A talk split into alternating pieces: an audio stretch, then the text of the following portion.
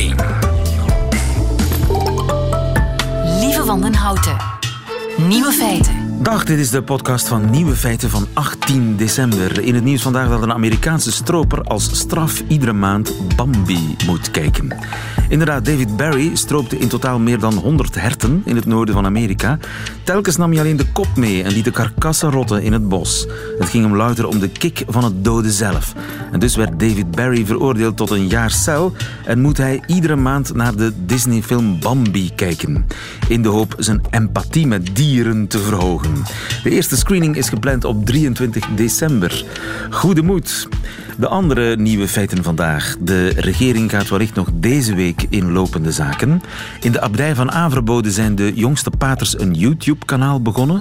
De 15-jarige Greta uit Zweden is het nieuwe gezicht van de strijd tegen de opwarming van de aarde. In Dubai is er nu een officiële synagoge en dat is een mijlpaal. En wie onderhandelingen vlot wil trekken, die moet één kommetje chips op tafel zetten. De nieuwe feiten van Johan Terrein hoort u in zijn middagjournaal. Veel plezier. Radio 1. Nieuwe feiten. Johnny van Zevenand, goedemiddag. Goedemiddag. Johnny, ik heb jou daarnet in het nieuws van 12 uur horen zeggen dat onze premier hoe dan ook in alle mogelijke denkbare scenario's donderdag naar de koning gaat.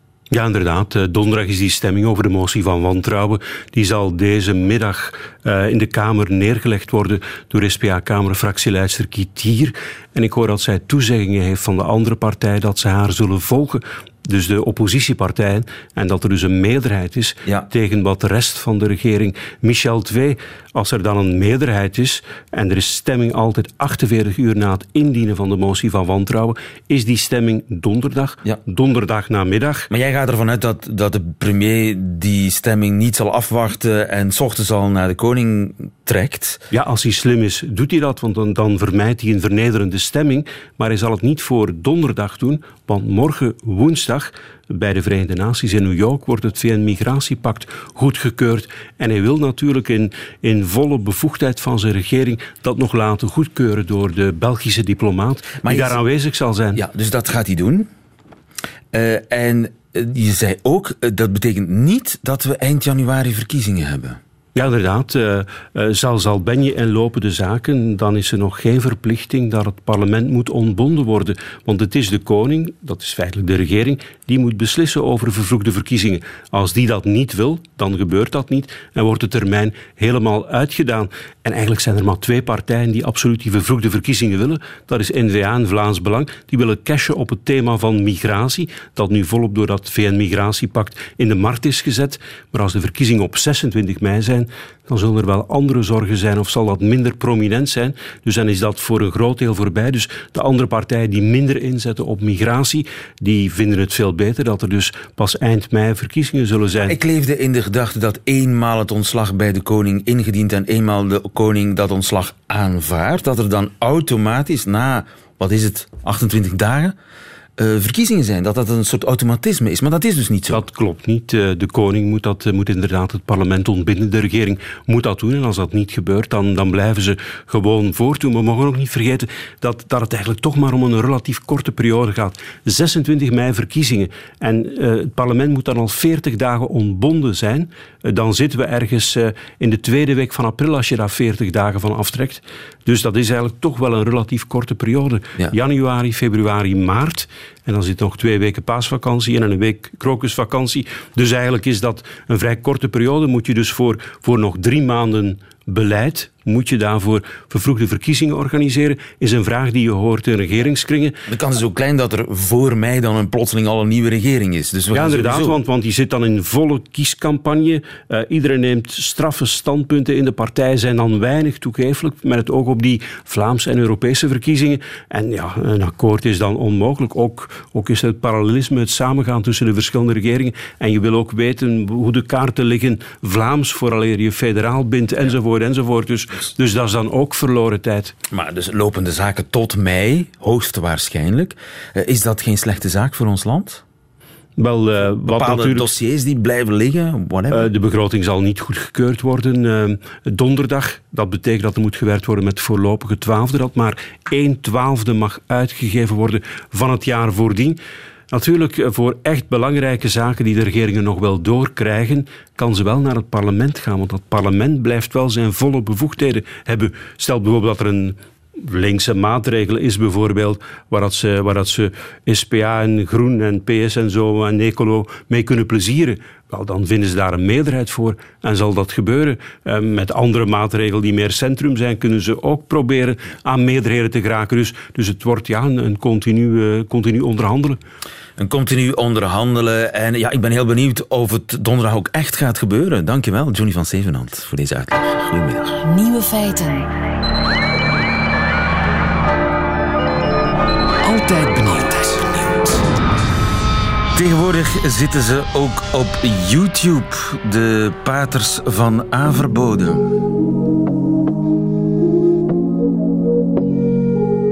Uit het boek Maleaki. Een uitspraak. Een woord van de Heer tot Israël gericht bij monden van Maleaki. Ik heb u lief, zegt de Heer. Ja, laat die pij maar wapperen. Nicolas de Brouwer, goedemiddag. Goedemiddag, lieve. Jij bent uh, frater, frater Nicolas, moet ik eigenlijk zeggen. Ja, Nicolas is ook goed hoor. Nicolas, en hoe lang ben je al in Averboden? Ik ben nu bijna anderhalf jaar in de abdij. En hoe oud ben je, als je dat mag vragen, Nicolas? Ik ben nu 23. 23, en zitten er veel ja. leeftijdsgenoten bij jou in het klooster? We zijn toch met drie jonge mannen, dus um, er is een zekere dynamiek, um, gelijkgezindheid. En jullie zijn gestart met, uh, hoe moet ik dat noemen, een soort vlogkanaal op YouTube? Ja, ja, het is eigenlijk allemaal een beetje... Het is niet echt een vlogkanaal. We willen gewoon een impressie geven van het abdijleven. Um, stereotype een beetje wegnemen. Um, en onze boodschap kenbaar maken in de maatschappij van vandaag. Bijbelcitaten ook, hè? Ja, inderdaad. De boodschap is eigenlijk niet anders. Um, de boodschap wordt al 2000 jaar meegegeven. We willen het alleen in een nieuw jasje steken die wat aantrekkelijker is voor de mensen. Ja, maar vooral voor jongeren ook. Hè. En wat vindt vader Abt van die beat? De Abt is heel enthousiast. Kan ik ook met overtuiging zijn, ja. Sommige van jouw confraters hebben niet een beetje eigenaardig gereageerd op toch de heel erg discotheekstijl? Nee, iedereen vindt het eigenlijk wel positief. Alleen um, was tot gisteren eigenlijk niet echt iemand van de abdijgemeenschap op de hoogte. um, wat het precies inhield. Ze, hadden, ze hoorden wel van alles waaien, ook in de abdijgangen en zo.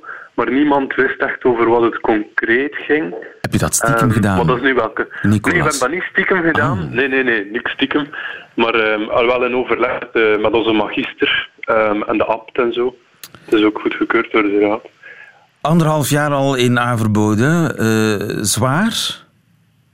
Nee, helemaal niet zwaar. Well, het ene moment is wel, is moeilijk, er zijn moeilijke momenten, um, omdat je veel geconfronteerd wordt met jezelf. Um, dus het zijn worstelingen met je, eerder met jezelf dan, dan met de gemeenschap. Maar het is een um, heel mooi leven. Daar ben je nog altijd van overtuigd? Hoe ben je daarin, 100%, 100%. Hoe, hoe ben je daarin, uh, daarin gerold, Nicolas? Um, ja, ik ben... Um, ik heb contact... Ik ben, ik ben hier eerst een keer op bezinning geweest. Een adventsretreiten, of vaste retreiten, vaste retreiten. Um, en dan heb ik zo de gemeenschap leren kennen. En dan een aantal gesprekken gehad. En dan in 2017 de stap gemaakt om hier in te treden. Je bent 23. Ga je je hele leven in Averboden tussen de paters blijven wonen? Op dit moment hoop ik dat wel, ja. Dat is toch de, mijn bedoeling op dit moment. Maar je weet natuurlijk nooit hoe, um, hoe leven loopt, welke wendingen dat dat allemaal neemt. Um, maar dat is nu toch voor dit moment wel mijn overtuiging en mijn, uh, mijn engagement ook. Hè. En is het de stilte, de veiligheid, de gemeenschap? Wat trekt je aan? Wat mij vooral aantrekt in de gemeenschap van Averboden is um, de grote dynamiek, de vibe die hier in huis hangt. Er zijn uh, heel veel mensen, we zijn toch een redelijk grote gemeenschap. Alle generaties zijn vertegenwoordigd. Um, en het feit dat ik niet ervaar dat er een generatie kloof heerst of een wij-zijn benadering. Is heel, iedereen ondersteunt elkaar op zijn manier. Um, talent en gebrek. En, en ja, het is heel boeiend. Ik kreeg een heel speciale dynamiek die veel mensen toch ook ervaren als ze hier op bezoek komen, ook jongeren op uh, klasbezinning en zo. En die vibe, kun je daar een term op plakken? Is dat optimisme? Is dat uh, vrolijkheid? Dat is goesting om te leven.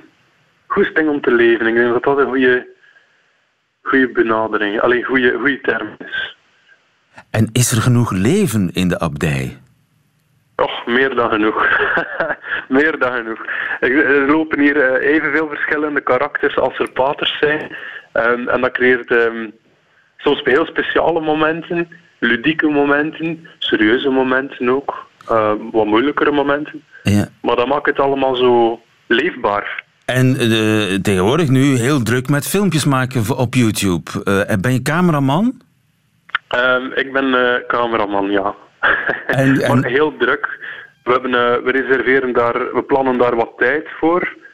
Maar naast die geplande tijd doen we... Allee, we hebben een druk leven, we hebben veel te doen. Um, en dat is toch wel prioritair. Ja, en, en dus jullie gaan ja. bijbelcitaten vormgeven met een hippe beat eronder. Maar ja. ook het leven zoals het is in de abdij. Ja, dat is de volgende serie die gepland staat. Dus meer concreet ingaan op wat het abdijleven in A verboden is. Um, en dat doen we dan aan de hand van de regel van Augustinus. Dat is de regel die wij als Norbertijnen volgen. En dat, is dan een, krijg ik dan een blik achter de schermen van hoe jullie leven, eten, slapen, opstaan, wassen, ja, plassen, klopt. dat soort dingen? Klopt, inderdaad. De dagdagelijkse dingen eigenlijk. Het leven zoals het is.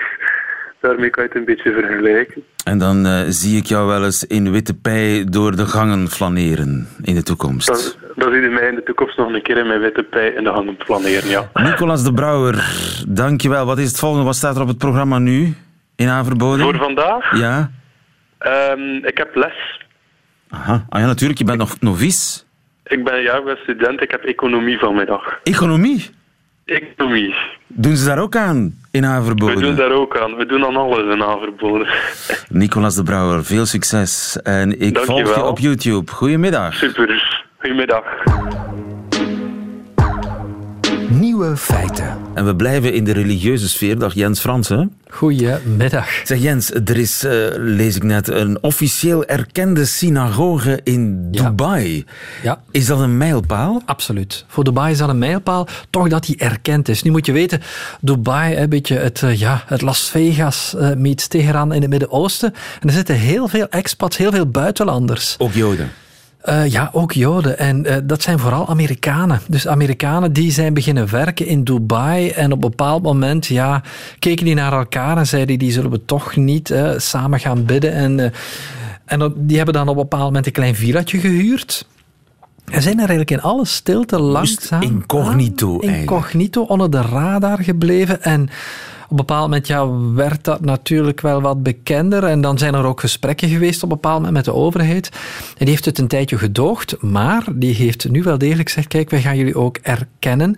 Maar doe het toch allemaal niet opzichtig. Ah ja, want het is nog altijd ja, iets waar je niet mee te koop loopt in Dubai en neem ik aan in de hele Arabische wereld of in de golfstaten. Nee, nee zijn. dat, dat, klopt niet. Want bijvoorbeeld, om maar één voorbeeld te geven, in heel wat Arabische steden of steden in het Midden-Oosten heb je wel degelijk synagoges. Om maar meteen een voorbeeld te geven, in Teheran, Iran, wat toch gezien wordt als de aardsvijand van Israël. Ik was er twee jaar geleden en daar heb ik toen uh, een van de synagoges bezocht en ook met ja, die Joodse Iraniërs gesproken. En dat klinkt een beetje gek, maar dat kan absoluut. Dus in de Arabische wereld is het uh, niet zo uitzonderlijk dat er synagoges zijn, maar wel in de golfstaten. Ja, in de golfstaat heb je natuurlijk nog een iets strengere vorm van het uh, wahhabisme.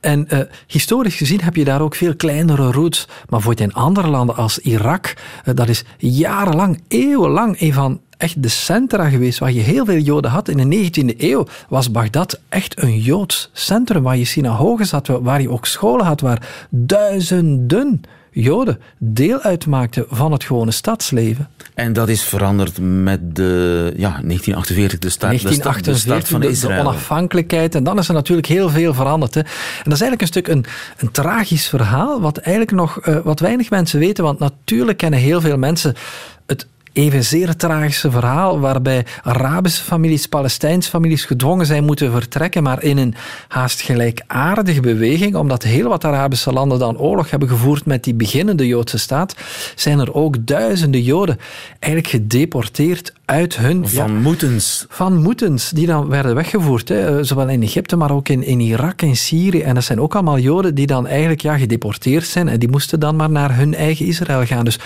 daar zit wel een stuk een trauma bij. En dat is een verhaal dat eigenlijk nog niet heel vaak verteld is van die Arabische Joden, als je ze zo mag noemen. En vandaar dat er ook op dit moment in Dubai, waar we gestart zijn, uh, nog steeds een soort ja, don't ask, don't tell cultuur rond Joods zijn ja. heerst. Ja, want los van het feit natuurlijk dat je wel synagoges hebt en ook vaak uh, christelijke kerken, en dat de overheid wel zegt, we gaan het gedoog wel laten naartoe. In de praktijk is het niet altijd makkelijk. Hè. Ik heb de voorbije jaren honderden christenen bezocht in het noorden van Irak, maar ook in Syrië. En die worden daar ook gedoogd. Maar je merkt vaak worden die soms wel een stukje weggepest. In Dubai zie je nu het omgekeerde. Hè. Daar bestond het niet, daar is het gedoogd. En dan wordt het nu officieel toegelaten. Wellicht heeft dat ook wel iets te maken natuurlijk met ja, die duizenden expats. Hè. Dat soort golfstaten... Die niet langer in de kast willen zitten als natuurlijk. Jood, zeg maar. en, en, en, die golfstaten hebben die nodig. Hè. Bijvoorbeeld Saudi-Arabië wil ook op betere voet komen, op goede voet komen met het Westen, met de Verenigde Staten. En je voelt op een bepaald moment kan je dat ook niet... niet ja, je, je, kan dat niet volhouden. Hè. Je kan niet zeggen aan de ene kant wij willen zaken doen met het Westen en wij staan voor een bepaald soort en dan toch nog ja, een keiharde repressie volhouden tegen andere godsdiensten. Maar uh, zijn de geopolitieke verhoudingen dan aan het verschuiven? Op die manier? Um, de relaties met Israël zijn die dan ook uh, aan het ja, ver veranderen? die zijn een stukje aan het veranderen. Waar er vroeger uh, absoluut geen contacten waren, zijn er nu wel uh, contacten. En dat gaat dan natuurlijk over veiligheid, over defensie. Om maar één voorbeeld te geven. Ja, de aardsvijand van Saudi-Arabië is die andere grote energiespeler Iran. Hè. Je hebt daar ook het religieuze conflict, hè, het Soenitische Saudi-Arabië tegenover het Shiïtische Iran.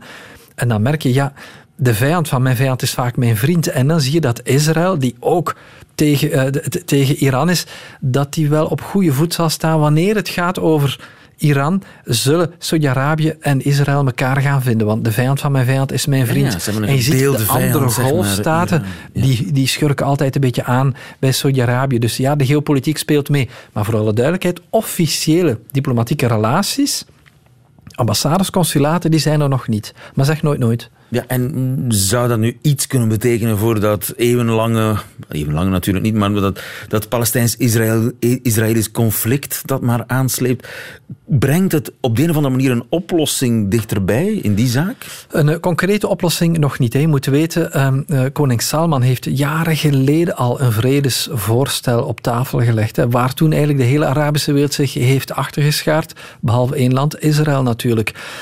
Maar het zal helpen als Israël genormaliseerdere relaties heeft met een aantal van ja, de, de, de, de hoeksteenstaten in het Midden-Oosten. Denk dan, uh, denk dan Saudi-Arabië, maar denk ook Turkije, denk ook Egypte. Dat zijn de landen die spelen in het Midden-Oosten. En als je daar goede relaties mee hebt, dan kan je wellicht een oplossing vinden voor dat ja, etterende probleem. Ja, maar zover zijn we nog lang niet. Maar niet. je kunt in, de, in Dubai nu als Jood gewoon met opgeheven hoofd naar de synagoge. Voilà. Dankjewel Jens Fransen. Radio 1. Nieuwe feiten. Moet u binnenkort moeilijke onderhandelingen, moeilijke gesprekken voeren tot een akkoord komen met een tegenpartij van welke aard dan ook, dan heb ik een tip voor u. Een kommetje chips op tafel zetten. Eén kommetje chips. Dag Dirk van Poeken. Goedemiddag, lieve. U bent uh, expert onderhandelingstechnieken en uh, professor aan de Flanders Business School. Ja. Uh, in Amerika hebben collega's van u een experiment gedaan met een kommetje chips. Hoe ging dat experiment ongeveer? Wel, ze zijn eigenlijk vertrokken van die idee dat in Azië mensen heel vaak samen eten uit dezelfde schotel en dat dat een meer coöperatieve cultuur is dan de individualistische Amerikaanse. En ze hebben dat eigenlijk eens willen testen door inderdaad aan mensen een, ofwel een gemeenschappelijk shared food kommetje te geven, ofwel elk apart een eigen uh, zakje, zeg maar. Oh ja, dus er waren twee groepen. Ja, wel, ze hebben meerdere experimenten gedaan. Eén uh, daarvan ging over dat kommetje chips, zoals uh, jij terecht zei. Bij sommigen was het ook een echt zakje.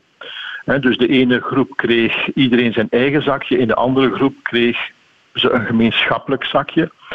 En wat ze daar eigenlijk gedaan hebben, ze hebben gekeken, moeten de mensen coördineren, zoals we dat noemen, samenwerken over dat gemeenschappelijk eten. En dat bleek eigenlijk wel zo te zijn. En dat samenwerken bleek ook een effect te hebben op de samenwerking tijdens het experiment van onderhandelen dat ze daarna deden. Ah ja, want ze moesten dus uh, een opdracht uitvoeren. Ze moesten, wat was het ook alweer, loononderhandelingen naspelen tussen eh, directie en vakbonden? Ja, het was nogal eerlijk gezegd een, een nogal abstracte uh, laboratoriumsituatie, want ze mochten eigenlijk ook niet met elkaar spreken. Ze moesten een soort biedingen wederzien. Ja, ja. Maar goed, er was een groep met uh, elke, elk zijn eigen eten, zeg maar. En er was een groep met een gedeelde kom waar iedereen moest uit, uit uh, pikken. Precies, ja. En wat blijkt? Wel, wat blijkt is dat dat leidt tot een eerste coördinatie, zoals men dat noemt, tot meer coöperatief gedrag tijdens het eten. En dat dat coöperatief gedrag eigenlijk ook min of meer verder gezet wordt uh, uh, bij de onderhandeling. En dat die onderhandelaars, die samen geeten hebben uit hetzelfde kommetje, om het simpel te houden, dat die een sneller en een beter akkoord bereikten dan degene die dat individueel hadden gedaan. Dus dat is misschien iets om te proberen tussen Bart de Wever en Charles Michel om daar een kommetje chips bij te zetten. Dan, ja. Want ze moeten dan eigenlijk al, al bekijken hoe ze dat gaan aanpakken. Ja. Dat ene kommetje delen. En dat, ja. zet al, dat maakt de weg vrij naar een, naar een oplossing. Ja, dat is het eigenlijk wel. Nu natuurlijk, uh, enfin, ik wil toch even terzijde onderstrepen hoe leuk wetenschap kan zijn. Hè? Want mensen denken altijd dat wetenschap zoiets heel droog en saai is. Maar je ziet dat zeker in mijn domein zijn er heel leuke experimenten die men opzet, waar dat er een hele wetenschappelijke achtergrond zit. Maar enfin, dat zijn toch ik zou, zou, maar zeggen, leuke dingen voor de mensen. Ja, en, en inderdaad, het, het, klinkt een beetje naïef, een beetje ja. ongeloofwaardig misschien, maar zijn er gelijkaardige onderzoeken gebeurd met gelijkaardige resultaten? Ja, ja, de, je kunt het zo gek niet bedenken, maar men heeft bijvoorbeeld ook getest, hè, mensen die, men in, die in de lift staan, die men uh, een warme koffie geeft, dus een, een, een, warme beker met koffie in, en die dan een vergadering starten, en dat zijn dan bijvoorbeeld sollicitatiegesprekken, wel dan ziet men dat die mensen die die kandidaten moeten beoordelen, positiever tegenover de kandidaat staan als ze vooraf een warme koffiebeker gekregen hebben dan wanneer ze een koude cola hadden gekregen. Ja. Dus met ik dat... begrijp dat. Ik begrijp ja, dat ja. volledig. Het, uh, het, het, het, zijn van die onbelangrijk lijkende dingen die toch een invloed kunnen hebben, een doorslaggevende invloed op het resultaat. De kracht van een kommetje chips. Dirk van Poeken, ja. dankjewel. Goedemiddag. Graag gedaan, lieve dag.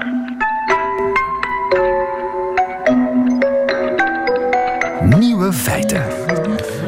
Ze is 15. Uh, ze komt uit Zweden en ze is het nieuwe gezicht van de strijd tegen de opwarming van de aarde.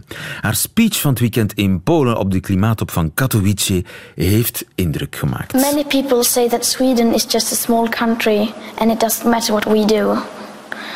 But I've learned that you are never too small to make a difference. You say you love your children above all else. And yet you're stealing their future in front of their very eyes.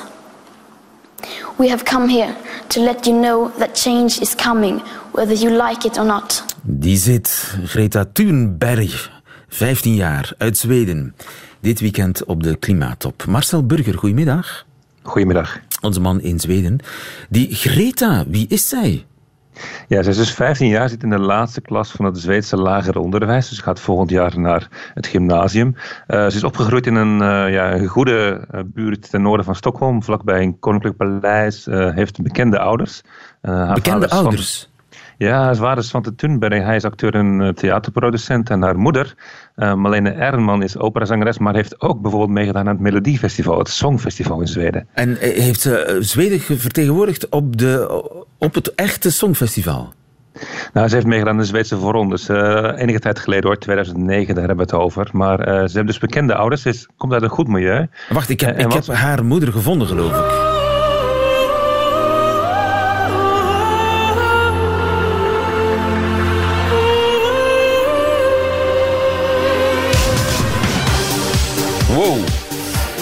We moeten even aan André Vermeulen vragen of dit nummer uh, enigszins gescoord heeft uh, op het Melodiefestivalen of uh, op de, het echte Euros... Festivalen is de, voor, de Zweedse voorrondes of op het echte Eurosongfestival. Beroemde, bekende ouders, zanger, acteur. Schrijven zij haar teksten, die ouders? Want die tekst is wel krankzinnig goed, hè? Ja, die tekst is super, super goed. Ja, de, haar ouders hebben wel een boek geschreven eh, met, uh, met, haar, met hun dochter eigenlijk als inspiratiebron. Dus ze hebben het thuis wel vaak over. Uh, ik zag ook een interview met haar moeder die zei van ja, thuis daar, daar hebben we eigenlijk continu, als wij dingen zien, dan praten we erover met Greta en zij praat met ons daarover. Dus zij heeft die tekst natuurlijk niet helemaal zelf geschreven. Die is eigenlijk daarvoor te goed gewoon. waar ze wel heel goed in is, is ze gewoon haar eigenlijk haar voet in het zand heeft gezet en gezegd van, allee, jullie volwassenen maken er een potje van met het milieu. Ik ga er wat aan doen. Ik ga op vrijdagen ga ik staken. Ik ga niet naar school. Ik ga bij het Zweedse parlement zitten. En dat doet ze nog altijd? Uh, ja, nou, ze zou dat alleen doen tot aan de verkiezingen van afgelopen september. Maar er is nog steeds geen regering, dus er moet nog steeds wat gebeuren. En sterker nog, uh, ze wordt eigenlijk juist door het parlement in Zweden door de, in de steek gelaten. Want die heeft zich, vorige week hebben ze uh, het budget vastgesteld voor volgend jaar. En daarin wordt 200 miljoen euro bespaard op milieu- en klimaatmaatregelen. En dat is dus echt ja, ontzettend gek dat, dat zij nu in Polen een, een speech uit voor het milieu en aan eigen land doet eigenlijk precies het tegenovergestelde. Ja, ja, maar ze is al een halve bekendheid in Zweden door haar stakingsactie. Ja, en daarbuiten, hè, Time Magazine, het uh, gerenommeerde Amerikaanse opinieblad, heeft haar bij de 25 jongste invloedrijke personen ter wereld uh, genoemd. Er zijn kinderen in, op scholen in, in België, in Nederland, in Australië, overal in de wereld die haar voorbeeld volgen en dus eigenlijk deels willen gaan staken op een dag in de week om te zeggen van jullie volwassenen, jullie moeten luisteren naar ons, totdat jullie gaan houden aan, aan de klimaatafspraak die jullie samen hebben gemaakt, dat het beter moet gaan met het milieu, ja. gaan wij uh, niet, niet luisteren naar jullie. De tekst van haar speech zat zeer goed in elkaar. Uh, wellicht heeft ze daar een beetje hulp bij gekregen. Maar ook in interviews komt ze bijzonder scherp uit de hoek. Politicians' job is to win elections and get votes, not having radical climate politics. And today you, you don't win, win elections and get votes by telling the truth. Als je de waarheid vertelt, daar win je geen verkiezingen mee. En de job van een politicus is om stemmen te winnen. Niet noodzakelijk om het klimaat te redden. Ja, dat, uh, dat, zijn, dat zijn spijkers met koppen, hè? Ja, ze zegt ook, uh, Zweden, mijn eigen land, jullie stelen. En dan zegt dan tegen de politie, jullie stelen drie jaar van de, van de dingen die wij als Zweden kunnen maken. Uh, van, van kinderen per jaar halen je drie jaar weg uh, van onze toekomst. Dus ieder jaar uh, wordt eigenlijk ons, ons leven in de toekomst op aarde in Zweden wordt drie jaar korter omdat jullie de bossen, de, de meren en alles eigenlijk misbruiken. En daar gebeurt helemaal niets aan. Jullie zeggen continu van het wordt beter, we gaan, we gaan ons hard maken voor het klimaat, maar jullie doen eigenlijk precies het tegenovergestelde. Jullie liegen tegen ons als kinderen, waar we eigenlijk bij staan. En dat moet maar afgelopen zijn, dat zegt zij. Zij is 15. Uh, ze heeft in haar eentje die stakingsactie gedaan. Ze heeft gespeecht op de klimaattop in Katowice.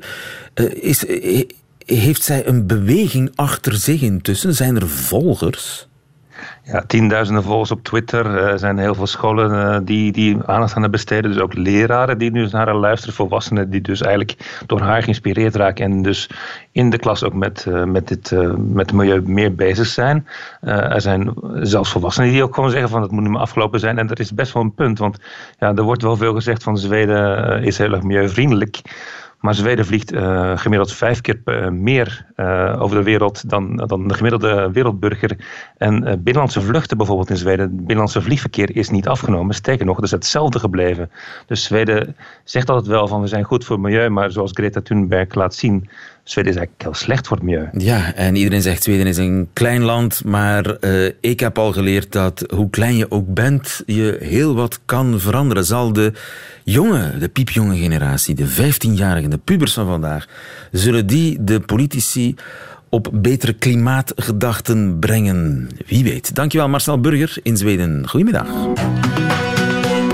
Nieuwe feiten. Het middagjournaal met de nieuwe feiten van Johan Terrein. Nu, ik ben benieuwd. Nieuwe feiten. Middagjournaal. Beste luisteraar.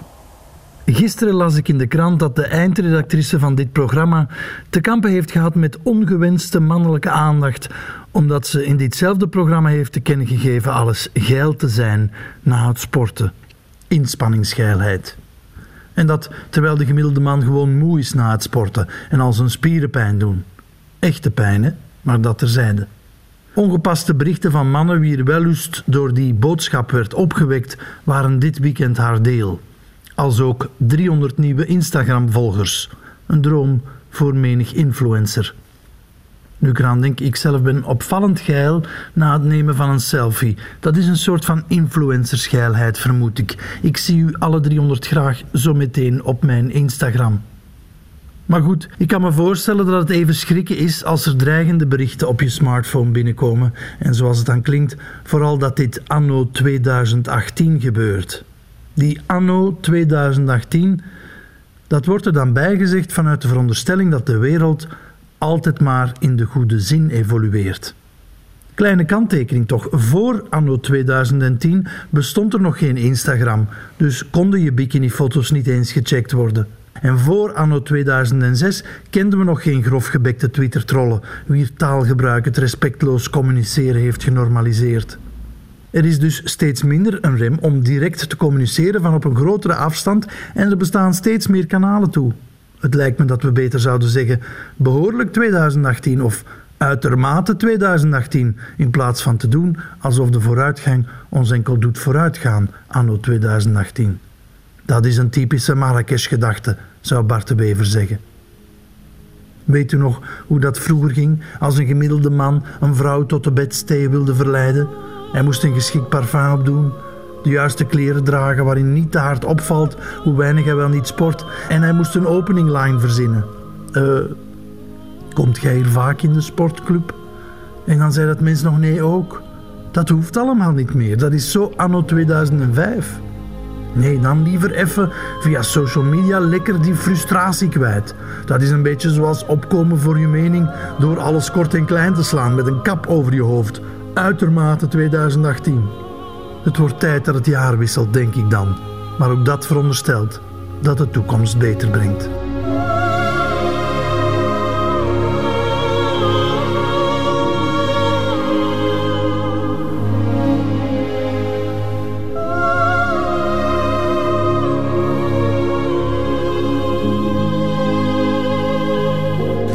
Het Middagjournaal met Johan Terrein. Einde van deze podcast. U vindt er nog veel meer op radio1.be en op alle mogelijke podcastkanalen. Tot de volgende keer.